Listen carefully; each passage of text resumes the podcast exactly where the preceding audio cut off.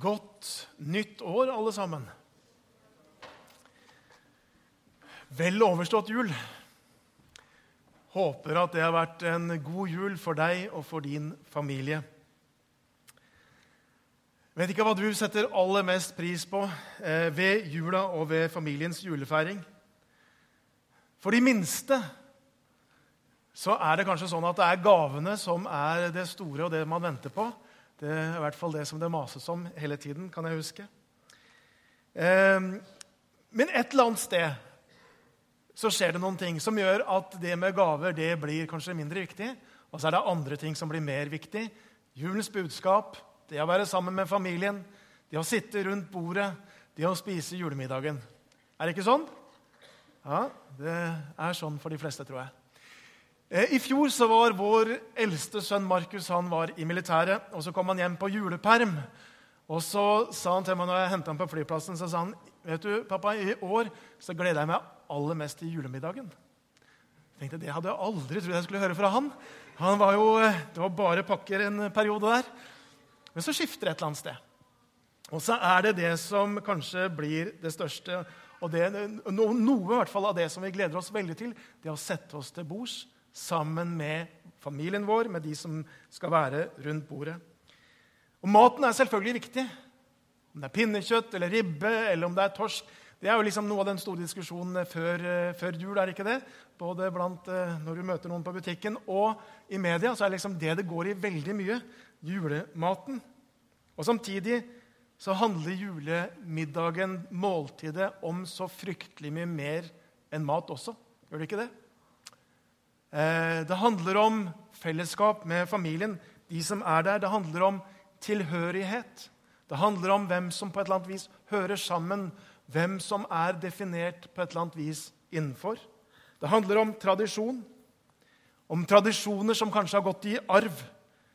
Det er pinnekjøtt, ja, for det har vi alltid hatt i vår familie. Det er bestemors oppskrift, den som hun hadde med fra sin mor. Og vi leser juleevangeliet, for det gjorde alltid far. Og så er det så mange lag i det der når vi feirer julemiddag. Og så handler så veldig mye annet om mer enn faktisk selve måltidet. Det er faktisk sånn i alle samfunnslag at det å spise sammen det er en måte å både få og vedlikeholde relasjoner på. Og det å spise sammen har utrolig mange sånne kulturelle lag. Det er antropologer som sier det at hvis de vet i et samfunn hva, spi, hva, som spises, hvordan man spiser, og hvem som spiser med hvem, så vet man fryktelig mye om det samfunnet. Vi spiser sammen i familieselskap. Og så er jo ikke det alltid fordi vi er så fryktelig sultne. Og I jula så går vi kanskje fra det ene til det andre, og vi rekker knapt å bli sultne mellom. Men vi spiser sammen allikevel. Hvorfor det? Det hadde vært litt skuffende å komme på et familieselskap, og så var det ingenting som ble servert. Ikke sant? Uhørt, liksom. Vi hadde ikke følt oss velkommen. Og så ser vi at det med mat kommuniserer så mye mer enn egentlig det at en skal spise for å bli mett. Og I et gryende forhold så er det jo alltid sånn at det er først når man har vært på middag hos svigers, man skjønner at nå er det virkelig alvor. Å spise sammen kommuniserer så mange ting og på så mange nivåer. Og Det er ikke bare sånn i familielivet, det er jo sånn i forretningslivet også. Hvis man skal liksom virkelig eh, feire en avtale, en stor avtale, så går man kanskje ut og spiser sammen. Skal man markere en suksess, så går man ut og spiser sammen. Sånn er det i forretningslivet og i politikken og diplomatiet. Så vet vi at statsmiddager det er ikke ubetydelige sammenkomster. De har betydning, og det er mye viktig som kan skje ved en statsmiddag. Og i hvert fall kan man gjøre mye feil hvis man setter feile folk ved siden av hverandre, eller man gjør ting på en feil måte. Det er viktig hvordan vi spiser sammen, hvordan vi setter oss til bords. Og Selv i vårt språk så ser vi hvordan det å spise sammen skaper forpliktende relasjoner. På engelsk så har vi ordet 'companion'. På norsk snakker vi om kompanjonger. Eller vi kan bruke uttrykket 'kompis'. Og Alle de ordene de kommer fra to latinske ord som, betyr, som handler om 'kom' og 'panis'. Kom betyr sammen. Panis betyr brød. En kompanjong det er en du spiser brød sammen med. En kompis det er en du sitter til bords sammen med. Sånn er det også i det norske språket. Og Når vi leser evangeliene, så ser vi at Jesus ofte er til stede der det spises. Han er ofte til stede der det er et selskap. Han snakker ofte om himmelriket som har sittet til bords. Og Ikke minst så ser vi det i Lukas' evangelium. Og Det er en teolog som heter Robert Carris, som sier at i Lukas' evangelium så kan det se ut som at alt dreier seg om dette. Enten er Jesus på vei til et måltid, eller så er han i et måltid, eller så er han på vei fra et måltid. Og Jo mer man blir oppmerksom på det, hvor mye spising det egentlig handler om i evangeliene, ja, så blir det veldig interessant å se. Og så skjønner vi, og det demrer kanskje noe for oss, at, at det er faktisk noe viktig som skjer der Jesus sitter til bords. Det er på en måte noe mer enn at mat blir fortært. Det handler om noe annet. Det handler om noe mer. Jesus bruker måltidene. Altså Vi vet at han snakka i lignelser. Men disse måltidene er på mange måter sånne konkrete, hverdagslige lignelser. Måte å kommunisere på. Og gjennom måltidene så skjønner vi mer av hvem han er. Vi skjønner mer av hvorfor han kom. Og vi skjønner også hva misjon og sendelse er. Så disse første søndagene i det nye året så skal vi snakke om det. Denne taleserien her, 'Til bords med Jesus', er det vi ønsker å fokusere på. På en del tekster i Lukas' evangeliet hvor Jesus faktisk har et måltid sammen med noen. Og så vil vi se at Hver av disse måltidene har faktisk et helt eget budskap, som handler om nåde, som handler om Guds rike, om kirken, om menighet, om fellesskap, som handler om misjon og sendelse. Og Det gjør disse tekstene veldig spennende. Så veldig fint at du er med på den første teksten, det første måltidet vi skal innta i det nye året. Det er vi veldig glad for. Og vi skal lese sammen denne teksten her. Og så har jeg bare lyst til å si to ord om Guds ord før jeg leser teksten. Og det er Guds ord er levende. Og det står at det er et, som et tvega sverd. Guds ord skaper noe i våre liv. Og så er vi samla her til gudstjeneste. Vi er samla for å dele Guds ord. Og viktigere enn hva jeg sier og så håper jeg at jeg treffer på noe. Men viktigere enn det jeg sier, det er faktisk at du sitter når vi deler ordet, når du hører forkynnelsen, at du lytter etter hva Den hellige ånd sier inn i ditt liv. For ordet er levende, og Jesus har noe han ønsker å si deg inn for et nytt år.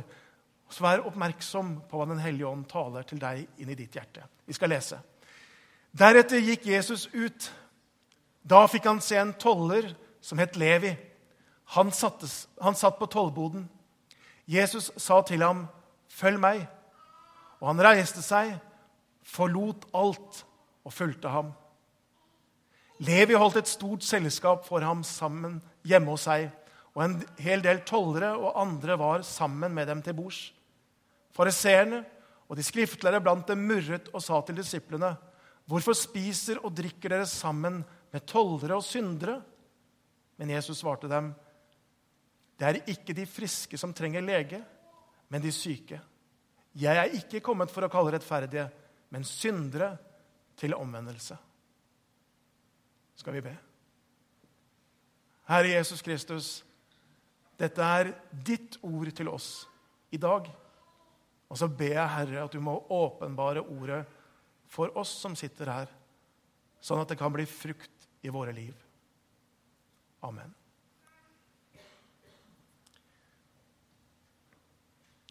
I denne teksten her så leser vi hvordan Jesus kaller tolleren Levi til å bli disippel med ordene 'Følg meg'.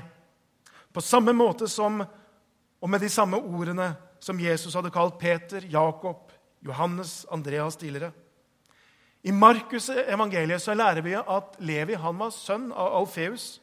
Og I Matteus' evangeliet kalles denne disippelen eh, nei, for Matteus Levi kalles for Matteus i Matteus evangeliet. Og Den kirkelige tradisjonen sier at det var Matteus, det var Levi, som skrev et av de fire evangeliene.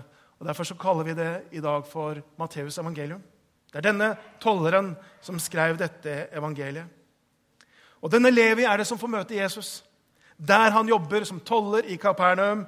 Og Vi fikk det jo levende demonstrert her av David hva hans oppgave var. Det var å ta imot penger av de som skulle inn i byen for å selge, for å kjøpe. Og så sitter han der, og så får han høre ordet 'Følg meg' av Jesus. Og så er det noe som skjer i det møtet som gjør at Levi, tolleren, han slipper alt han har i hendene. Han forlater tollboden, han forlater geskiften, han forlater det gamle livet. Og så begynner han å følge etter Jesus Kristus. Sånn som en disippel fulgte etter sin mester. Han blir en disippel. Han følger Jesus. Og Noe av det første vi hører at Levi gjør, det er å invitere til et stort selskap. Det sto Levi holdt et stort selskap for ham hjemme hos seg, og en hel del tollere og andre var sammen med dem til bords. Levi blir så begeistra. det nye livet er så sterkt for han. Og så sier han dette må feires. Dette må feires. Og så inviterer han venner, tidligere arbeidskollegaer, sikkert noen naboer, eh, sammen med Jesu disipler og Jesus selv. Og så har de et stort selskap. Og så gleder han seg og så fryder han seg over det nyvunne livet han har fått lov til å erfare. Han har det helt topp, inviterer til et selskap. Og så skjønner vi når vi leser denne teksten, at, at dette her å spise sammen, dette selskapet her, det trigger noen ting i kulturen. Hva er det for noe? Jo, å spise sammen. Det, det er viktig i vår kultur. Og vi sa at julemiddag det handler om veldig mange andre lag enn selve maten. Og I Israel så var dette om mulig enda sterkere enn det er i vår kultur. Eh, det var det. Og I Israel så var det sånn at hvis du inviterte noen inn på et måltid, ja, da på en måte ble du en fortrolig. Da ble du en kompanjong. Da ble du en, en som hadde en pakt med vedkommende. Og det ser vi at Når noen kom på besøk, når du hadde noen rundt et bord, ja, så hadde verten et spesielt ansvar for å beskytte dem. I første Mosebok, kapittel 19, så kan vi lese om hvordan Abrahams nevø Lot han hadde besøk. Og Så spiser de sammen, og så har de kvelden sammen. og Så står det utpå natta så kommer mobben i Sodoma. Og så hamrer de på døra til Lot. Og så sier de, 'Bring ut disse gjestene dine, sånn at vi kan mishandle dem og misbruke dem.' Det sier de. Og så svarer Lot ut ifra sin kultur. Han sier, 'Disse har funnet ly under mitt tak.' 'Jeg kan ikke bringe dem fram. Jeg kan ikke utlevere dem til dere.' Og så hadde han et ansvar om å beskytte sine gjester, om så med eget liv, mot mobben som sto utenfor der. Og på Jesu tid så var det derre hvem du spiste sammen med, det var faktisk et viktig teologisk spørsmål. Ulike retninger, ulike jødiske skoleretninger hadde noen ulike svar. Og noe av det som, som på en måte de, virkelig var et brennbart teologisk spørsmål, det er hvem kan jeg spise med? Eh, og så var det sånn at stort sett folk spiste enten innad i sin familie, eller så spiste de sammen med de som var i samme lag. Det å blande liksom folk sånn som Levi gjør, det var ikke god latin i den jødiske kulturen. Det var ikke kulturelt akseptabelt. Teologen Jeremi, eh, Joakim Jeremias han skriver noe som jeg tror kanskje kan hjelpe oss til på en måte virkelig skjønne noe av hva er det som skjer i dette måltidet. Hvor på en måte kommer aggresjonen fra? Hvor kommer denne kraften fra? Og han sier følgende.: I Midtøsten, selv i dag, er det å bli invitert til et måltid en ære. Det er et tilbud om fred, tillit, broderskap og tilgivelse. Oppsummert er det å dele et måltid sammen det samme som å dele liv. Det å dele et måltid sammen er det samme som å dele liv. I jødedommen spesielt er det å dele bordfellesskap ensbetydende med å ha fellesskap innenfor Gud.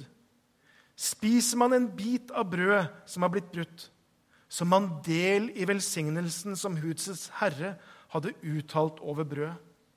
På samme måte er ikke Jesu måltid med tollere og syndere bare av sosial karakter. Det er ikke bare et uttrykk for uvanlig medmenneskelighet, sosial raushet og sympati for dem som er marginalisert, men det er en dypere betydning. Disse måltidene er et uttrykk for Jesu budskap og misjon. Og Da aner vi kanskje noe av dette på en måte underlandskapet som gjør at det blir en sånn krasj rundt dette måltidet her. Vet ikke om du har hatt det sånn noen gang at du har vært på et hyggelig selskap, og så har det vært plutselig noen som har sagt noen ting eller gjort noen ting som liksom har ødelagt hele stemningen. Kan hende du har vært på et sånt selskap i jula. ikke sant? Og så er det en eller annen som bare må dra opp den gamle diskusjonen. ikke sant? Dugnad på hytta eller hva det nå enn er. ikke sant? Som liksom bare alle ikke sant, blir provosert av. Eller om det er noen som må slenge med leppa og komme med en kommentar som trykker på akkurat det punktet som alle vet at nå, nå skjer det. Nå eksploderer det. ikke sant? Det finnes noen sånne episoder sikkert i våre liv, og noen ganger er vi utsatt for det, og noen ganger er vi kanskje de som gjør akkurat det. På amerikansk så kaller man det 'party poopers'. gjør man ikke det? På norsk kan vi kanskje kalle det for festbrems. kanskje. Eh, I hvert fall så var det sånn at på Levi sin fest, som vi har delt i dag, så var det noen sånne party poopers som kom inn. Noen som, som på en måte ødela alt. Det var noen fariseere og skriftlærde der, står det. Eh, og de kommer inn i bildet fariseerne og de skriftlærde, og så tenkte de at nå må, vi, nå må, vi, sørge for at ting går ordentlig for seg her. For det er ikke bra, det som skjer. Og så står det i vers 30.: Fariseerne og de skriftlærde blant dem murret og sa til disiplene.: Hvorfor spiser og drikker dere sammen med tollere og syndere? Det står at de murret. Det betyr jo at de eh, tisker og hvisker i et eller annet hjørne og samler frimodighet og argumentasjon til liksom virkelig å stille dette spørsmålet. Et sånt utfordrende, ransakende spørsmål. Um, og så er det sånn noen ganger med spørsmål at det er ikke alltid man er så veldig opptatt av svaret. Jeg tror ikke de var det. De var mer en anklage i spørsmålsform. Men hvem er disse fariseerne? Hvem er disse skriftlærde? Fariseerne, og det er mange av dere som har lest Bibelen mye, som vet det, men fariseerne var altså et veldig sånn from gruppering innenfor jødedommen. Eh, de var veldig nitidige til å overholde alle lovene som de fant her. Og de hadde lagd en god del sjøl, liksom utleda av det. Og så var de så bevisst på at dette skal vi holde til punkt og prikke. Sånn skal vi leve. De var nok helt sikkert karaktersterke. De var, de var inderlige, de var fromme. De, de, var også sånne som ga til fattige. og De, de forsøkte i det hele tatt både å eh, overholde alle lovene på alle mulige måter. Men de var også sånne som eh, så på seg sjøl som sin brors vokter. Og de var veldig opptatt av åssen andre levde. Så Derfor så var det gjerne de som gikk inn og tok folk på fersken og gjøre et eller annet som de definerte feil. Slike var fariseerne.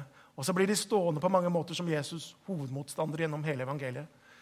De skriftlærde på litt på samme måte. De var teologene blant dem. Det var de som kunne Det gamle testamentet, det var de som forklarte det, det var de som utleda det. Det var de som på en måte kunne alle Messias-profetiene, helt sikkert utenat. Men når Messias kom, så kjente han ikke igjen. Så så de ikke hvem han var. De skjønte ikke at Jesus var han som de ventet på. Og så blir de også noen av Jesu hovedmotstandere gjennom hele hans liv. Slik var fariseerne, slik var de skriftlærde. Og så var de veldig kritiske til tollere og syndere. som vi ser her. Det var liksom den gruppa som de virkelig så ned på. Og hvorfor det? Vi har kanskje en tendens til nesten å romantisere denne gruppa her, tollere og syndere. Fordi at, eh, Det var jo de som fikk Jesus oppmerksomhet på en helt spesiell måte. Eh, tollere eh, Det var på mange måter gode grunner til å holde de utenfor det gode selskap.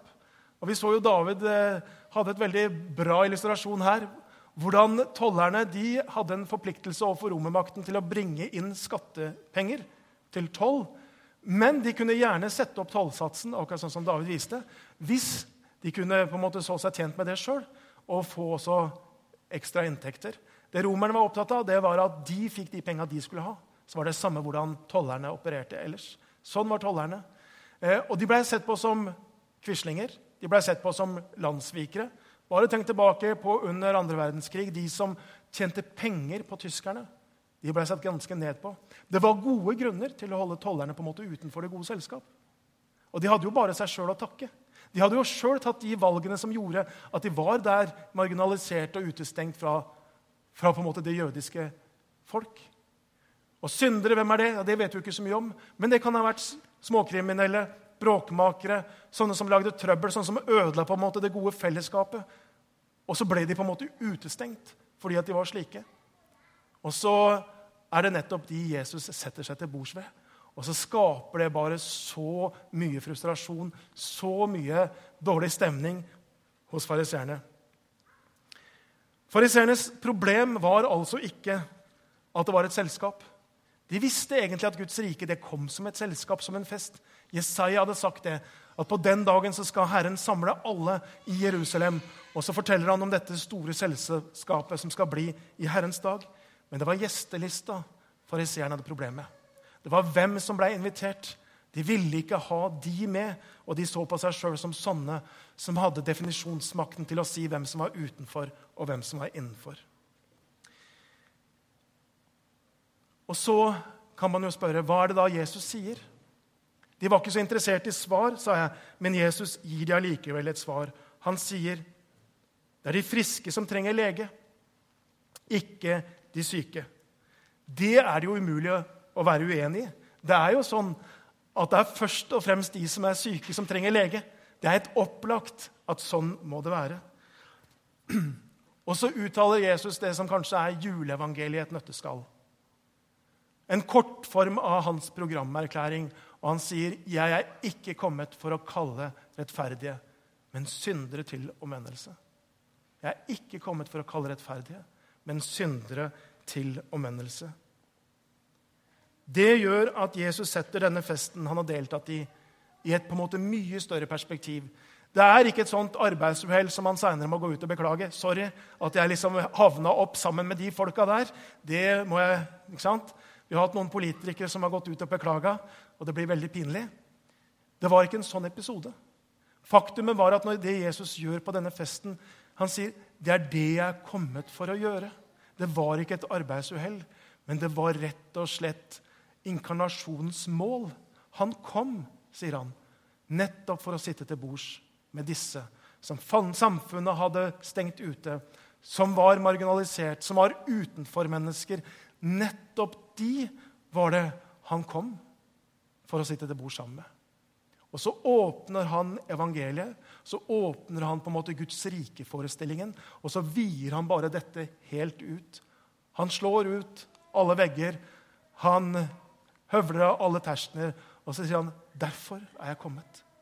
Disse utenfor-menneskene er jeg kommet for. Det er ikke de friske som trenger lege, det er de syke. Jesus Kristus kom til vår jord for å kalle syndere til omvendelse. Til å rope ut at fanger skal få frihet, at blinde skal få syn igjen, for å sette undertrykte fri. Derfor, sier Herren, er jeg kommet. Og ved sitt komme så er det han åpner Guds rike opp. For de som samfunnet har plassert nederst, for de som kulturen forakter, og for de som de religiøse plasserer utenfor. For de, sier Jesus, er jeg kommet. Jesus bruker helt bevisst måltidet. Og jeg håper du kan se det. Han bruker disse måltidene og vi skal se på de i flere av søndagene, helt bevisst med alle de kulturelle lagene som ligger der, alle de religiøse tonene som finnes i et sånt måltid, så bruker han det helt bevisst for å vise hva Guds rike er. Hvor stor og brei denne invitasjonen er. Hvor vidt det er. Han spiser sammen med, har måltid sammen med tollere og syndere.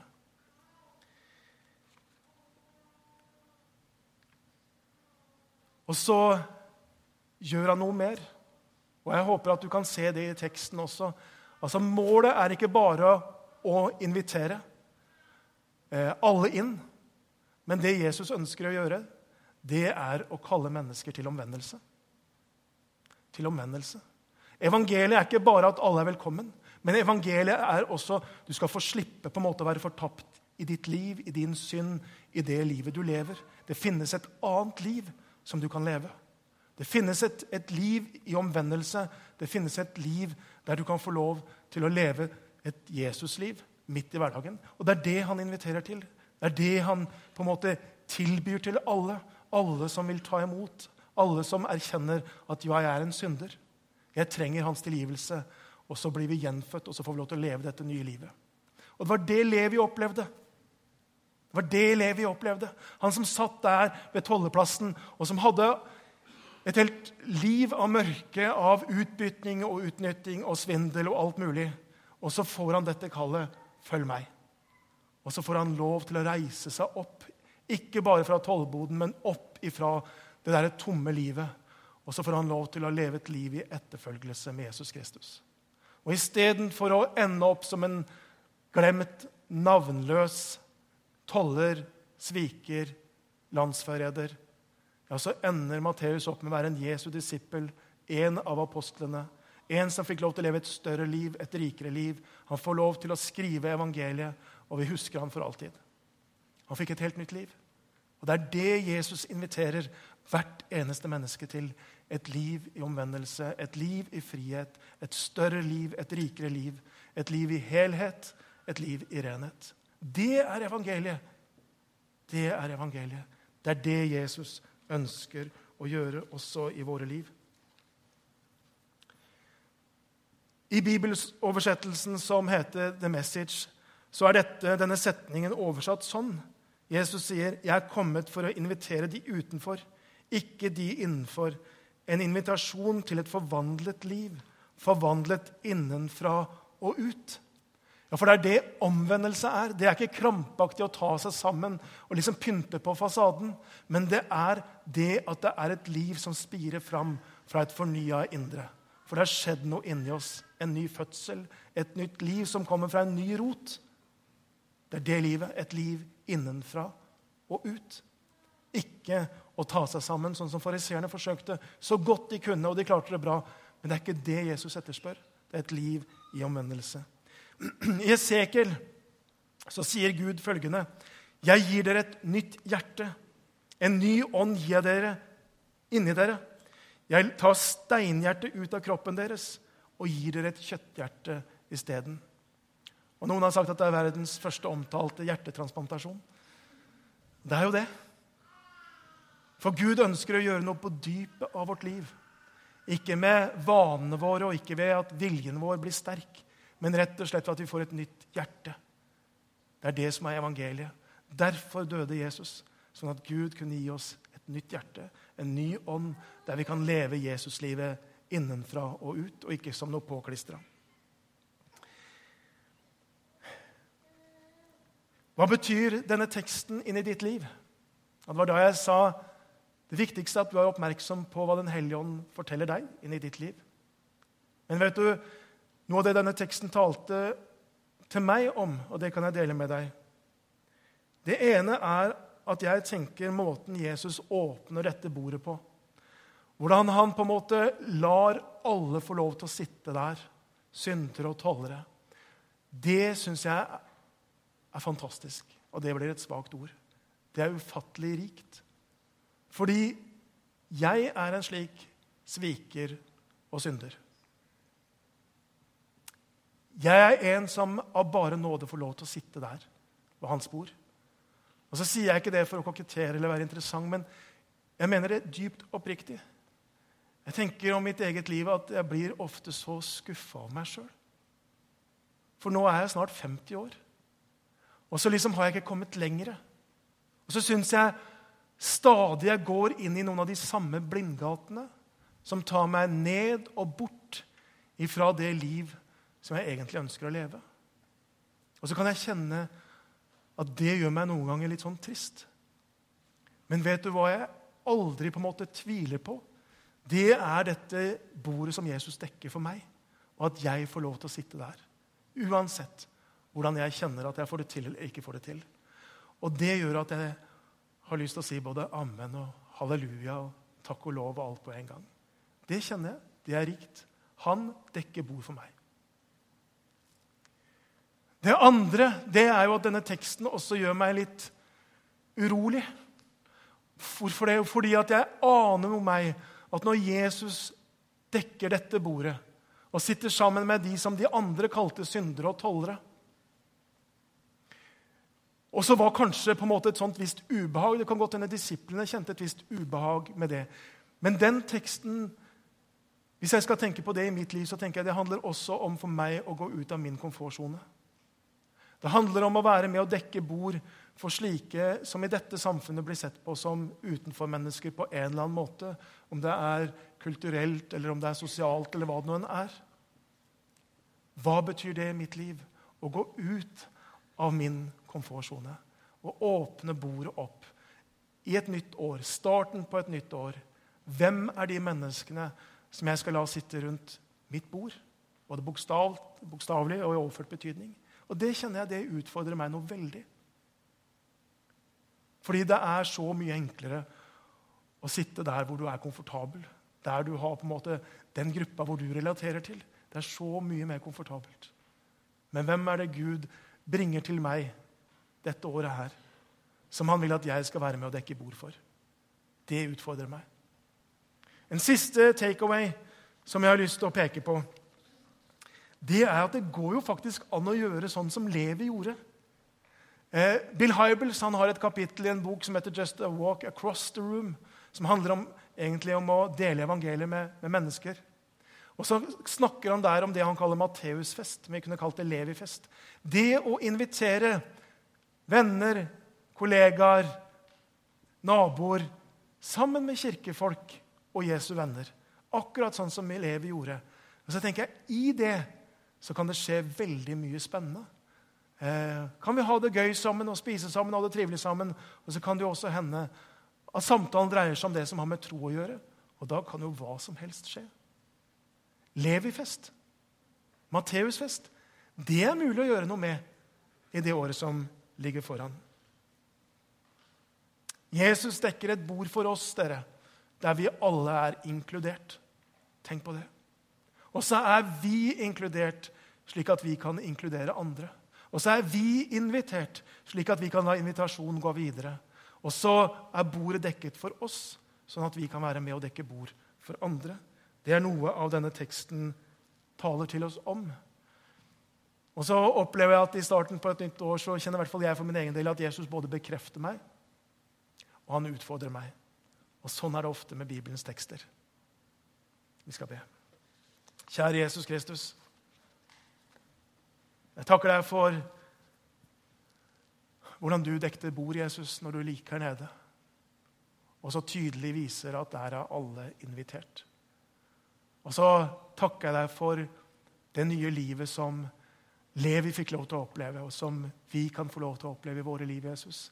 Og Jeg ber at det nye livet bare må få lov til å få rom og plass dette året som ligger foran oss, til å spire, til å vokse, til å bære frukt, Herre. I ditt navn vi ber. Amen.